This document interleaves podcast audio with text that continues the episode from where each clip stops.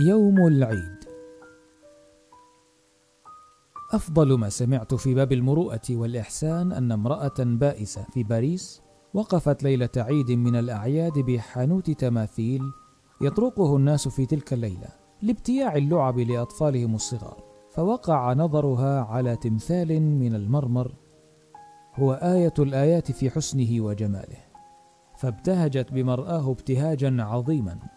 لا لأنها غيرة بلهاء يستفزها من تلك المناظر الصبيانية ما يستفز الأطفال الصغار. بل لأنها كانت تنظر إليه بعين ولدها الصغير الذي تركته في منزلها ينتظر عودتها إليه بلعبة العيد كما وعدته. فأخذت تساوم صاحب الحانوت فيه ساعة والرجل يغالي به مغالاة شديدة حتى علمت أن يدها لا تستطيع الوصول إلى ثمنه. وأنها لا تستطيع العودة بدونه فساقتها الضرورة التي لا يقدرها قدرها إلا من حمل بين جنبيه قلبا كقلب الأم وفؤادا مستطارا كفؤادها إلى أن تمد يدها خفية إلى التمثال فتسرقه من حيث تظن أن الرجل لا يراها ولا يشعر بمكانها. ثم رجعت أدراجها وقلبها يخفق في آن واحد خفقتين مختلفتين. خفقة الخوف من عاقبة فعلتها وخفقة السرور بالهدية الجميلة التي ستقدمها بعد لحظات قليلة إلى ولدها.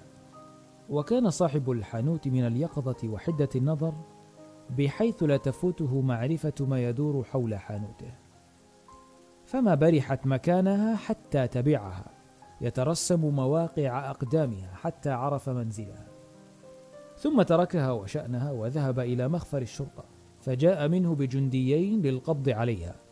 وصعدوا جميعا إلى الغرفة التي تسكنها ففاجئوها جالسة بين يدي ولدها تنظر إلى فرحه وابتهاجه بتمثاله نظرات الغبطة والسرور.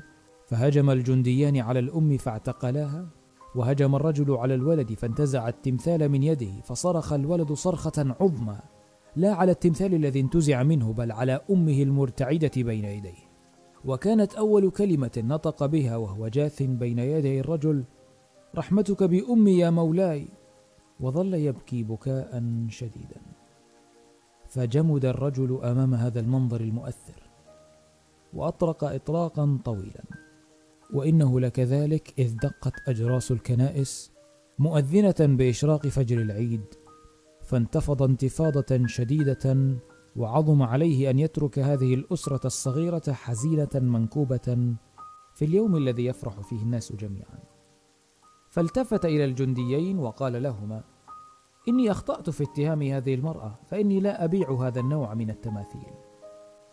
فانصرف لشأنهما والتفت هو إلى الولد فاستغفره ذنبه إليه وإلى أمه ثم مشى إلى الأم فاعتذر إليها عن خشونته وشدته فشكرت له فضله ومروءته وجبينها يرفض عرقا حياء من فعلتها ولم يفارقها حتى أسدى إليهما من النعم ما جعل عيدهما أسعد وأهنأ مما كانا يظنان. لا تأتي ليلة العيد حتى يطلع في سمائها نجمان مختلفان. نجم سعود ونجم نحوس. أما الأول فللسعداء الذين أعدوا لأنفسهم صنوف الأردية والحلل ولأولادهم اللعب والتماثيل ولأضيافهم ألوان المطاعم والمشارب ثم ناموا ليلتهم نوما هادئا مطمئنا تتطاير فيه الأحلام الجميلة حول أسرتهم تطاير الحمائم البيضاء حول المروج الخضراء. وأما الثاني فللأشقياء الذين يبيتون ليلتهم على مثل جمر الغضا يئنون في فراشهم انينا يتصدع له القلب ويذوب له الصخر حزنا على أولادهم الواقفين بين أيديهم يسألونهم بألسنتهم أو بأعينهم ماذا اعدوا لهم؟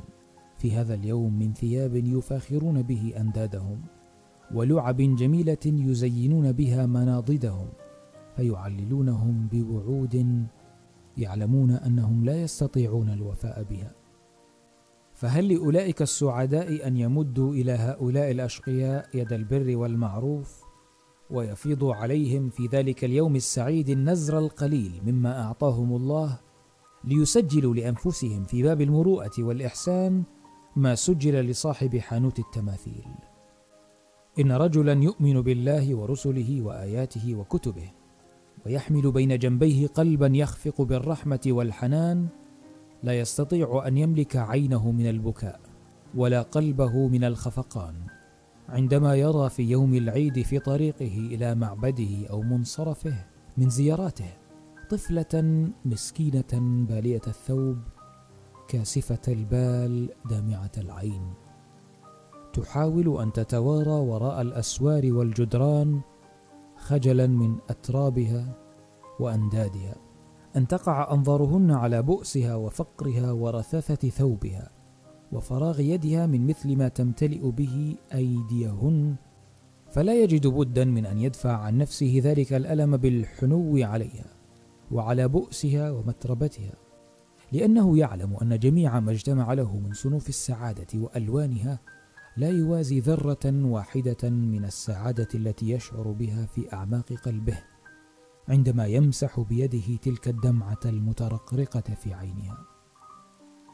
حسب البؤساء من محن الدهر وصروفه أنهم يقضون جميع أيام حياتهم في سجن مظلم من بؤسهم وشقائهم. فلا أقل من أن يتمتعوا برؤية أشعة السعادة في كل عام مرة أو مرتين.